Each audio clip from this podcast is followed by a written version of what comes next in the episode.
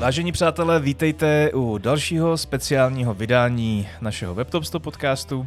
Tyhle ty speciály eh, natáčím s lidmi, kteří jsou zodpovědní za projekty, které si odnesly prvenství nebo nějaký zajímavý úspěch eh, v některých z našich kategorií letošního ročníku soutěže WebTop 100. Já bych tu chtěl dnes eh, rád přivítat Honzu Pacase. Dobrý den. Honza je strategy director agentury Media Age, která s projektem Dana je datová schránka zvítězila v kategorii influencer marketing. Zároveň jste brali druhý místo s tou samou kampaní v kategorii videoreklama. A zároveň Media Age eh, zaznamenala ještě druhé místo v kategorii brandová reklama. To bylo za kampaň pro státní eh, zemědělský intervenční fond. To jsem si tady musel napsat, abych to řekl správně. Na posílení značky Bio. Eh, o tom Bio to dneska ale nebude, bude to o dotavkách, které, kterýž to jsou extrémně eh, zajímavým příkladem uchopení spolupráce s influencery a vlastně v poměrně netradičním prostředí vlastně státního sektoru. Že? Mm. Než se dostaneme k datovkám, tak já vám dám standardně prostor na úvod toho rozhovoru, abyste řekl něco sám o sobě, eh, něco o agentuře, o tom, jakým způsobem eh, to děláte a stavíte se k mhm. digitálu jako agentura a o tom, v čem vlastně jako spočívá vaše zařazení, vaše práce, vaše úloha v Media Age. Jasně. A my si v Media Age eh, obecně hodně zakládáme na tom, že veškeré naše kampaně a kampaně, které připravujeme pro naše klienty, tak eh, vychází z dat, vychází z poměrně jako pečlivé analýzy trhu, cílové skupiny, konkurence a celého toho komunikačního prostředí. A na základě toho je potom nastavená celková strategie té které konkrétní, a konkrétní kampaně. Moje role jako strategy directora je v tom vlastně provést tu analýzu nebo ji zorchestrovat na základě těch dat, získaných insightů a vypracovat nějakou základní myšlenku té kampaně a potom ji pomáhat převést jednak do té kreativy a jednak potom jako do mediální, do mediální taktiky v rámci jednotlivých, jednotlivých těch kam, kanálů. Já zároveň jsem vlastně jako v agentuře začínal jako kopík, což si myslím, že je strašně super pro stratega, že zůstává pořád v kontaktu s tou kreativou a ta strategie jde potom jakoby lehce převést mm-hmm. do celého toho konceptu.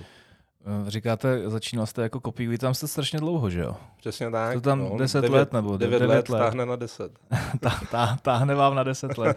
To není úplně standardní v tom biznise, jo? Eh, to, to umím na tom trhu já a ještě pár, ještě pár jednotlivců.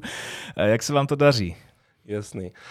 Já můžu mluvit opravdu jenom za sebe tady v tomhle tom ohledu a, a za mě byl ten klíč jako nastoupit do menší až střední agentury, protože Media Age není úplně jako největší agentura v České republice samozřejmě. A, a dostat tím pádem možnost i osobně se podílet vlastně na růstu té agentury a na rozvoji jim v průběhu celého toho časového, a časového období. A tady tohle to si myslím, že v agenturách tady téhle té velikosti jako platí pro jakoukoliv pozici. Jak jsem říkal, já jsem začínal jako kopík, skončil jsem jako, uh, jako strategy director i díky nějaké své předchozí, uh, předchozí průpravě, ale opravdu i všichni jako grafici, accounti, všichni mají jakoby tu možnost nějakým způsobem se osobně propsat do vývoje té agentury a vidět tu svou práci v průběhu, v průběhu let. A to si myslím, že jako extrémně odměňující osobnostně a, a, a vlastně motivuje to člověka k tomu, aby v té agentuře zůstal a zůstal dlouho. Plus skvělý kolektiv, skvělý tým, to si myslím, že je vždycky jako klíč k tomu dlouhodobému úspěchu. Jak dlouho jste tím vrchním strategem? No ono to šlo docela, uh, ono to šlo docela rychle, protože uh, já mám vlastně jakoby marketing vystudovaný, i když takovou jako speciální, speciální disciplínu, politický marketing a měl jsem vlastně jako tu systematickou nebo jakoby datovou průpravu už vlastně z té školy a prvních nějakých jako praktických, praktických kontaktů s marketingem. Potom jsem nějakou dobu vedl takový jako regionální měsíčník v Brně a přesto jsem se dostal do agentury jako kopík, ale rychle se ukázalo, ukázalo, že vlastně jako ta systematičnost jde využít tady trošičku, a trošičku nějak jinak, takže já si myslím, že rok tam bylo takový to přechodový období a pak jsem se začal jako naplno věnovat už jenom jako strategii. Mě to zajímá, jestli už jako za tu dobu máte, máte nacvičenou nějakou takovou tu jako kuchařku pro vznik úspěšné strategie. Jo, Jasně, jo, jo, jo. A určitě jo. A já si myslím, že každá úspěšná strategie začíná tou analýzou, což eh, možná zní jako triviálně, ale přijde mi, že často se na to zapomíná. A já tady v tomhle tom ohledu eh, souhlasím se známým strategem Markem Ritznem, který uh, říká, že o tom, jak nastavit třeba strategii pro značku, pro kampaň, většinou jako nejmíň ví, nebo nejmíň do toho můžou mluvit ti lidi, co s váma sedí v té zasedačce. Mm-hmm. A je opravdu potřeba podívat se, podívat se na tu cílovou skupinu, na celkový kontext eh, toho trhu, na to, co dělá konkurence a z toho, z toho vycházet. Já si myslím, že v tomhle z tom ohledu jako nikdo ještě nevymyslel nic zásadně lepšího, než je ta klasická 3C analýza, a na tom se potom jakoby staví ten, eh, staví ten strategický insight, celá ta strategie, která o co jako hlubčí je ta analýza, tak o to často potom jakoby ta strategie dokáže být jako stručnější, údernější a vlastně jít po podstatě, protože nemusíte vařit z vody, ale opravdu víte, co vaši zákazníci chcou, co jim může vaše značka nebo společnost nabídnout, co třeba děláte líp než konkurence, kde vás může ohrozit. A díky tomu potom jako vzniká nějaký uchopitelný dokument. Mm-hmm. Pojďme k těm datovkám, Aha. to je to maso toho dnešního rozhovoru. Um, Zajímá mě, jak jste se, pojďme od začátku, jak jste se k té zakázce dostali, jestli to je skrz, eh, skrz eh, nějaký, nějaký vztah, anebo mm. to mhm. bylo jako standardní výběrový Jasně, řízení? jasně. A vzhledem k tomu, že to je kampaň pro veřejnou, a veřejnou Musí zprávu, tak tam je ten vstup eh, docela, docela standardizovaný, takže i tady k téhle té zakázce jsme se dostali prostřednictvím výběrového řízení a klasicky zpracování nabídky do tendru. My jsme měli ale to štěstí, že jsme pro datovky a ministerstvo vnitra realizovali kampaň už vlastně po třetí, takže jsme se v tom poměrně jako složitým a komplikovaným prostředí českého e-governmentu, který se velice jako dynamicky rozvíjí, poměrně dobře orientovali už, uh, už ze začátku, což nám asi určitě dalo trošičku jakoby konkurenční výhodu i v tom, uh, když jsme šli do toho, uh, do toho výběrového řízení, ale museli jsme zpracovat klasickou, velice jako obsáhlou a interně náročnou nabídku, podat ji a vyhrát uh, ve myslím si, že v tom výběrku jako velice silné a velice silné a solidní konkurenci, což se nám podařilo a díky tomu jsme tu nabídku získali. Máte nějaký ponětí, kolik tam těch firm bylo? Asi nemusíme ukazovat přesně na který, ale... ale... Přesně si nepamatuju, myslím nevíte. si, že tři, čtyři. Jo, OK. A, tak, a, mě by zajímalo, když si jako vzpomenu zpětně na tu kampaň, eh, jak vypadala, jak byla vlastně jako velmi netradiční, řekněme. Mm-hmm. Tak eh, mě by zajímalo, jestli, jestli to, že to bude vypadat tak, jak to ve skutečnosti posléze vypadalo, už bylo součástí té jako vaší nějaký myšlenky um, a posléze jste to s tím daným influencerem, což v tomto případě byl Mikýř, vlastně jako orchestrovali, tak ať to dopadne dobře. Mm-hmm. A nebo to byl ten druhý přístup, který říká, hele, využijeme to nejlepší, co na tom trhu je a necháme mu volnost, protože to bude vlastně skvělý. Jasně, já bych to ještě na začátek možná rozdělil no, na, no. na dvě části, protože celá ta kampaň pro datovou schránku byla obrovská uh-huh. a s mediálním spendem kolem 40 milionů během, a během pěti měsíců. A ta influencerská spolupráce byla jenom jednou jakoby ze součástí, uh-huh. ze součástí celkového rámce to, té kampaně. A z toho asi i trošku vyplývá, jak jsme se k té spolupráci dostali, protože ministerstvo vnitra a obecně klienti z řad veřejné zprávy mají tu oblíbenou cílovou skupinu úplně všichni kterou potom musíte jako následně, a následně jak smysl úplně rozsegmentovat, protože úplně všechny nezasáhnete a, těma úplně stejnýma komunikačníma, a komunikačníma nástrojema. A to jsme udělali i v případě, a v případě datovky. Celá ta kampaň byla hodně jako heavy na televizi, mm-hmm. velký, a, velký televizní spend, ale pro cílovku do nevím, třeba 35 let je a, vlastně televize nástroj, který sledují okrajově, jo, spíš se soustředí na sociální sítě, když už se dívají na televizi, na tu bednu, tak je to přes nějaký VOD platformy. Takže jsme věděli, že tady tuhle tu mladší cílovou skupinu, pro kterou ale pořád ta datovka byla jako velice, uh, velice relevantní téma, budeme muset zasáhnout nějakým, uh, nějakým jiným hmm. způsobem. Hmm. Tady padla ta strategická volba jít přes influencery, přes sociální sítě a měli jsme vlastně několik možností, jak tady k tomuhle tomu projektu přistoupit. jedna z těch možností by byla rozmělnit ten budget, který jsme měli tady na tuhle tu kapitolu, do několika takových těch jako klasických, klasických spoluprací, kdy ten influencer prostě na Instagramu natočí reelsko minutový, ukáže, jak používá datovku, řekne, že je to strašně, a, strašně super a lidi by to měli používat taky. A druhá ta možnost byla vsadit všechno na jednu kartu, na influencera, u kterého jsme věděli, že to kreativní zpracování bude velice netradiční a velice netradiční ve spojitosti s tím klientem, jako je ministerstvo vnitra, kde si myslím, že ne každý by se uh, odvážil úplně jako vystoupit z té komfortní, uh, komfortní zóny. A u kterého byla vysoká pravděpodobnost, že vlastně jakoby zvládne ukočírovat i všechno, co s tím bylo, co s tím bylo spojené. Ať už to budou komentáře, komentáře od uživatelů, ať už to bude nějaký jako případný, případný backlash, protože ta kampaň pro datovou schránku byla chystaná v době, kdy se vlastně datovka automaticky zřizovala jo. všem povinně, jo. všem, všem živnostníkům a nepodnikajícím právnickým osobám, což znamenalo asi jako milion nových, uh, nových uživatelů, kteří si tu datovku nezřídí sami, ale bude jim, uh, bude jim zřízená a oni ji budou muset používat, uh, používat povinně. Takže tam byl i odůvodněně jako očekávaný celkově nějaký jako trošičku negativní sentiment v té, v té společnosti.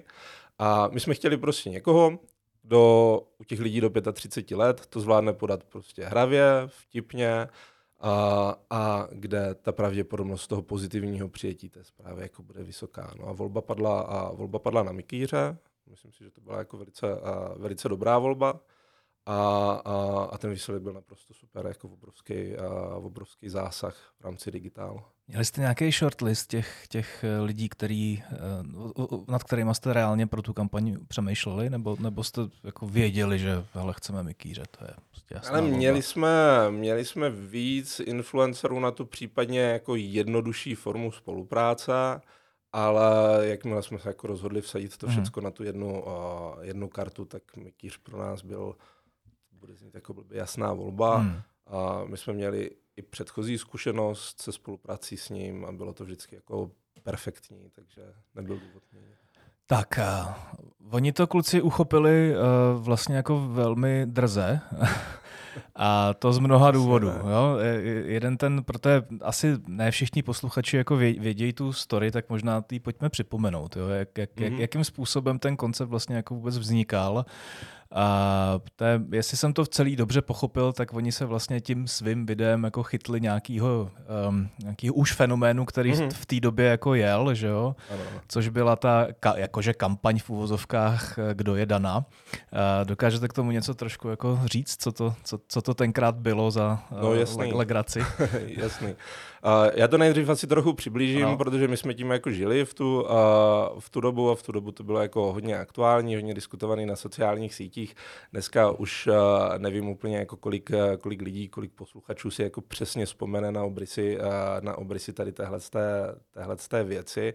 Každopádně na začátku roku a se na TikToku objevily tři videa, v nichž taková jako atraktivní paní a říkala, že se jmenuje Dana a nekandiduje na prezidentku. To bylo vlastně všecko, co v těch videích, eh, videích řekla, ale zároveň se tam objevovaly nějaký takový ty žlutý trojuhelníky, jako odkazy na kazmu, nějaký čísla, který zase jako lidi spojovali se, eh, se Shopaholi Gadel. A pro mě vlastně úplně jako nepochopitelně, protože já už nejsem, uh, nejsem ta asi jako hlavní TikToková cílovka, se to jako strašně, strašně rozjelo, tady tyhle si tři videa, nazbírali, uh, nazbírali jako miliony, uh, miliony zhlédnutí a vyrojilo se kolem toho strašná spousta jako konspiračních, uh, konspiračních teorií, co to je, kdo to je, proč to je. A Mikýř vlastně přišel za náma s tím nápadem, hele, pojďme tady do téhle té skládačky těch konspiračních teorií doplnit jeden jako možný a možný dílek a říct, že by to třeba mohla být datová schránka, anebo taky nemusela, protože celý to video jako bylo pojatý uh, s velmi vysokou mírou nadsázky mm. a ironie a přímo on tam i říkal, že na to možná jenom jako odbavili reklamu na datovou, uh, na datovou schránku, takže to byl potom, a to byl potom výsledek. A vznikl jeden vlastně speciální díl Movie Show k tomu, kde proběhlo takový jako fingovaný odhalení. Mm-hmm. Mm-hmm. Oni, ty původní tvůrci, ty, eh, ty uh, myšlenky nebo ty kampaně, vlastně toho, co běželo na tom TikToku, a jak jsem potom, jak jsem potom koukal na ty uh, různý reakční videa, uh, kde se vysvětlovalo, proč to je tak a proč to tak není, tak mám takový pocit, že oni, oni eh, snad nějak jako okopírovali nějakou jako starší ruskou kampaň, jo, kde ten mm-hmm. koncept vlastně komunikační byl vlastně velmi podobný. A Mikýř do toho šel s tím, že když oni můžou kopírovat jako cizí kampaně, tak my na tom můžeme parazitovat. Že? Prostě jako a zcela otevřeně, zcela otevřeně šli uh, do takového nějakého očekávatelného konfliktu. Um, Tohle to byla nějaká jedna část té audience nebo těch očí, který ta kampaň získala. A potom nevím, jestli jste to jako mohli očekávat nebo ne, ale, ale stalo se něco, že si začali ty jako velký influenceři vyměňovat názory.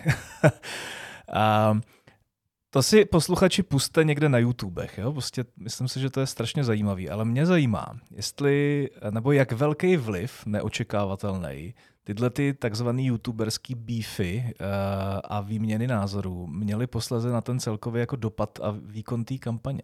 Mm-hmm, jasný.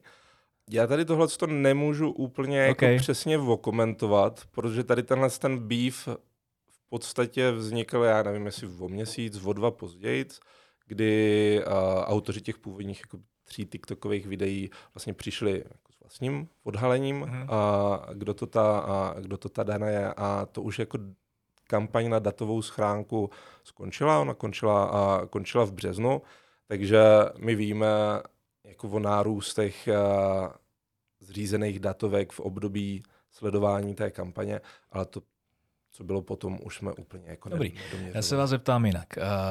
Když se budeme bavit striktně o tom období, kdy, kdy vy jste mm-hmm. tu kampaň jako jeli, tak sám jste říkal, že v rámci té celospolečenské nálady to nebylo úplně růžový, protože prostě samozřejmě ta komunikace uh, úřadů ve smyslu vysvětlování, proč budeme zakládat automaticky datové schránky mnoha lidem, nebyla úplně jako skvělá. Jo. Pamatujete si, nebo dokázali jste nějakým způsobem se dostat do situace, kdy vám ta vaše aktivita, ty vaše kampaně, klidně v čele s, tou, s tím mikýřem, eh, dokázali pomoct to veřejné mínění jako trošku jako zvrátit na stranu, že to vlastně jako není vůbec blbý nápad mít datovku? Jasně. A já si myslím, že to bylo vidět potom i v těch, eh, i v těch komentářích třeba pod tím Mikýřovým, hmm. uh, Mikýřovým videem, že ta jeho audience to jako velice, velice kvitovala, chválila to video, často se tam jako objevovaly i pozitivní názory, a názory na datovku, což bylo, a, což bylo super.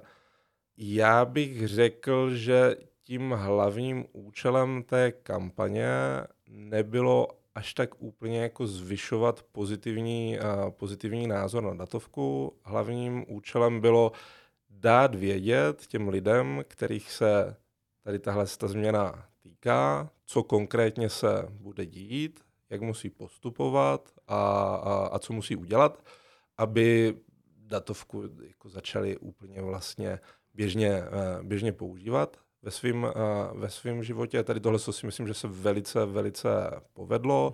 Podle našich měření o tom věděla vlastně jako drtivá většina té cílové skupiny a drtivá většina jako věděla, co přesně a konkrétně se, a konkrétně se bude dít. S tím hodně pomáhala i ta intenzivní televizní kampaň, hmm. která prostě úplně na rovinu řekla, hele, všem živnostníkům bude povinně zřízená tady tahle, sta, a tady tahle sta služba, dojde vám dopis, to je, co s tím, a tohle to je to, co s tím musíte, musíte udělat, abyste datovku začali používat. A ten pozitivní sentiment u veřejnosti si myslím, že se potom propsal v těch nárůstech dobrovolně zřízených uh-huh. datových schránek běžných občanů, protože běžným občanům se datovka povinně nezřizovala. A, a v lednu a v únoru, a kdy běžela ta nejintenzivnější část té kampaně na datovku, vlastně v únoru bylo potom i to Mikýřovo, uh, Mikýřovo video, tak uh, tam byly meziroční nárůsty zřízení o stovky procent.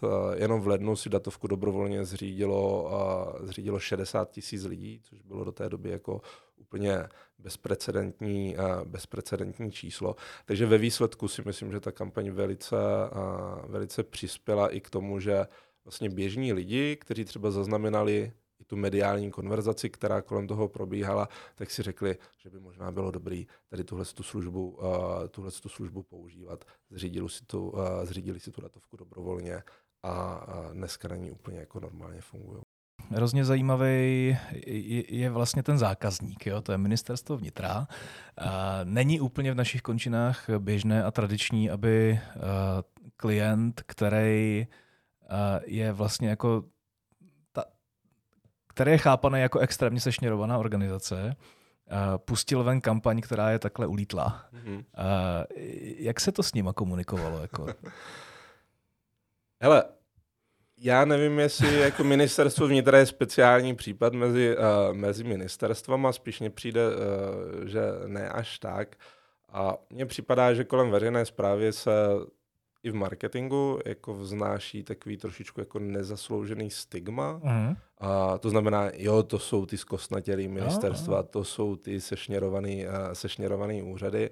A z mé zkušenosti, a my děláme kampaně pro celou řadu ministerstev, celou řadu úřadů, municipalit, tak ta zkušenost je jako přesně opačná. Jo? A já si myslím, že tam jsem potkal jako během své práce ty největší srdcaře, jo? ti, co do toho opravdu, uh, opravdu jdou s nějakým jako řekl, jako čistým úmyslem a tou ideou, že třeba v případě datovky ta služba opravdu jako hodně pomáhá lidem a komunikovat s úřadama trošičku komfortnějc, než chodit na přepážku a zároveň jako ročně šetří jako miliardy, miliardy korun. A, takže ten přístup celkový tam byl jako hodně uvolněný, hodně, a, hodně nadšený a, a jako veškerý obdiv uh, řediteli tehdejšímu vlastně té oblasti e-governmentu, uh, který to vlastně jako schválil od boku, jo, tady tuhle tu kampaň, když to, uh, uh, když to řeknu, protože ten rozhodovací prostor byl taky poměrně úzký. Jo, ta, uh, celá ta věc musela vzniknout vlastně třeba v rámci týdne, aby jsme mohli počítat s tím, že bude fungovat tak, jak jsme chtěli, aby, uh, aby fungovala. A ta reakce byla, že se tomu konceptu jako zasmál a řekl, no tak jo, hele, mm. pojďme, pojďme do toho. Což uh, je věc, kterou třeba u komerčního klienta a bych třeba úplně neočekával. Mm. Vy obecně jako agentura uh, máte poměrně mohutné zkušenosti uh, s veřejným sektorem. Uh, jedny z těch vašich jako nejúspěšnějších referencí, respektive case studies, jsou právě z tohoto sektoru. Mm. Um, je to specializace úplně otevřená, nebo, nebo to tak nějak jako prostě vyšlo, že, že dostáváte extrémně jako zajímavé zakázky právě od státu nebo od, od veřejného segmentu. Mm-hmm. Otevřená specializace to není, rozhodně jako nejsme agentura, která by se zaměřovala jenom, a, jenom na a, veřejný sektor, ale myslím si, že jako u jakékoliv jako lidské aktivity s nějakým jako opakováním roste, a, roste ta zkušenost a my jsme měli to štěstí, že se nám dařilo poměrně jako úspěšně procházet eh, těmi, eh, těmi tendry a výběrovými, eh, výběrovými řízeními a na tom jsme si jako vybudovali, vybudovali know-how, který je možný aplikovat tady v téhle, v téhle sféře. Takže nejsme jako specializovaní jenom na veřejnou zprávu, ale určitě klienti tady z téhle z té řady tvoří jako významnou, hmm. nezanedbatelnou část toho našeho portfolia. Řekl jste zajímavou věc před chvilkou, e, že vlastně si nejste úplně jistý, jestli by v soukromém segmentu e, podobná myšlenka byla e, akceptovaná takhle rychle. A čím si myslíte, že to je? Tady v tomhle v tomu konkrétním případě si opravdu myslím, že to je jako myšlenkovým nastavením celého toho týmu kolem, Nebo ten kolem tým. datových schránek. Přesně, přesně tak, jo, tou uvolněností. A když to řeknu blbě, tak v té době, kdy my jsme tu kampaň, a kampaň dělali, tak celý ten systém jakoby datových, datových schránek, který opravdu šetří jako miliardy, miliardy korun, používají to miliardy, uh, miliony lidí. uh, to ještě furt ne. Uh, ale uh, tak spravuje jako pár lidí. Jo, takže ten tým byl jako kompaktní, velice jako akceschopný a, a, a měl odvážného člověka v čele, který, mm. který byl ochotný do toho jít. Já jsem si právě pamatuju, pamatuju si, to si pamatujeme všichni, že jo, takový ty poměrně jako cringe kampaně v, době covidu z pera ministerstva zdravotnictví nebo v rámci nějaké spolupráce mm-hmm. uh, s influencerema. A teď mě zabijte si, nepamatuju příjmení té holky. A myslím, byla to Anička, jo, jo, jo. A, a nějaký kluk a, a tančili tam v budově ministerstva zdravotnictví a tak dále. A měl jsem opravdu za to, měl jsem pocit, že se tímhle tím nepovedeným experimentem podobným formátům, to znamená influencerským kampaním, za dveře ministerstva už dlouho jako nepodaří vkročit. Jo? Takže a netrvalo to dlouho a i hele, máme tady něco jako zajímavého. Jasný, tak já si myslím, že i Mikýr si tady z tohohle z toho jako ano. antré influencerského do tady, eh, do tady tohohle z toho segmentu jako eh, sám a s oblivou eh, dělá legraci. Já si myslím, že ten klíč eh, je k tomu vybrat si jako pro ten projekt tu správnou, a tu správnou osobnost a té potom dát jako maximální tvůrčí svobodu. Jo, a čím víc se do toho ten klient bude snažit vlamovat a nutit toho člověka k něčemu, co mu jako není vlastní, nebo by třeba sám neřek, nebo by to chtěl udělat jinak, tak uh, o to horší to bude mít výsledek mhm. vlastně. A, a to si myslím, že se tady podařilo a že to ukazuje, že ten otevřený přístup k tomu influencerovi a ta důvěra může mít jako obrovský, obrovský výsledek a obrovský impact, protože potom ten výstup působí úplně autenticky v rámci všeho, co ten člověk dělá na internetu a kvůli čemu ho sledujou, ti lidi, co ho, uh, co ho sledujou. A skvěle to tam zapadne. Jo? Kdybychom uh, chtěli Mikýřovi říkat, že já nevím, tam musí používat tu přesnou jako právnickou terminologii, co se, co se k tomu pojí, tak by to prostě jako vypadalo strašně a dopadlo by to, a dopadlo by to stejným způsobem. Podívejte se ostatně na výstupy eh, z této kampaně sami, je to velmi dobře dohledatelný ve veřejných zdrojích. Eh, nejenom eh, ta kampaně jako taková, ale všechen ten mikrokosmos, který se na to vlastně v průběhu času nalepil. Je to extrémně zajímavý studijní materiál. Já vám Honzo děkuji, že jste, že jste se s náma podělil o trošičku, odtajnil trošku jako tu kuchařku, jak podobné záležitosti vznikají. Pojďme ten rozhovor nějak pomalu zakončit. Všech kteří uh, jsou momentálně v agenturách a chodí do těchto těch speciálů našich, se ptám na vlastně jako velmi jednoduchou a zároveň velmi složitou věc. Uh, to, to je, jakým způsobem, nebo před, před jakýma výzvama si myslíte, že vlastně stojí ten uh, náš uh, reklamní trh uh, a jakých příležitostí bychom se měli vlastně jako chytat uh, v mhm. budoucím čase v dohledné době? Jasný. Hele, já si myslím, že ten komunikační trh stojí před úplně stejnou výzvou jako všichni jeho klienti. A ta ekonomická situace se nějakým, nějakým způsobem vyvíjí. Myslím si, že řada klientů, ať už toho veřejného nebo i, nebo i ze soukromého sektoru, prostě bude postavená před nějakou ekonomickou realitu a takový to neoblíbený jako utahování, utahování v opasku. A ta velká výzva pro agentury podle mě je naučit se trošičku víc mluvit jazykem toho finančního oddělení a, a pomáhat těm marketákům, co stojí na druhé straně toho jednacího stolu, nějakým způsobem obhájit ty komunikační budgety a celou jako smysluplnost vlastně hmm. marketingový a marketingový komunikace, což je jako poměrně velký a, a, a náročný úkol a myslím si, že je to do značné míry spojený s tou strategií, jo, uh-huh. že vlastně potom ty kampaně musí vycházet z nějaký pevný logický báze, ukázat, čeho konkrétně dosáhnou jaký vliv to bude mít na ten biznes a potom ty jednání budou jako mnohem.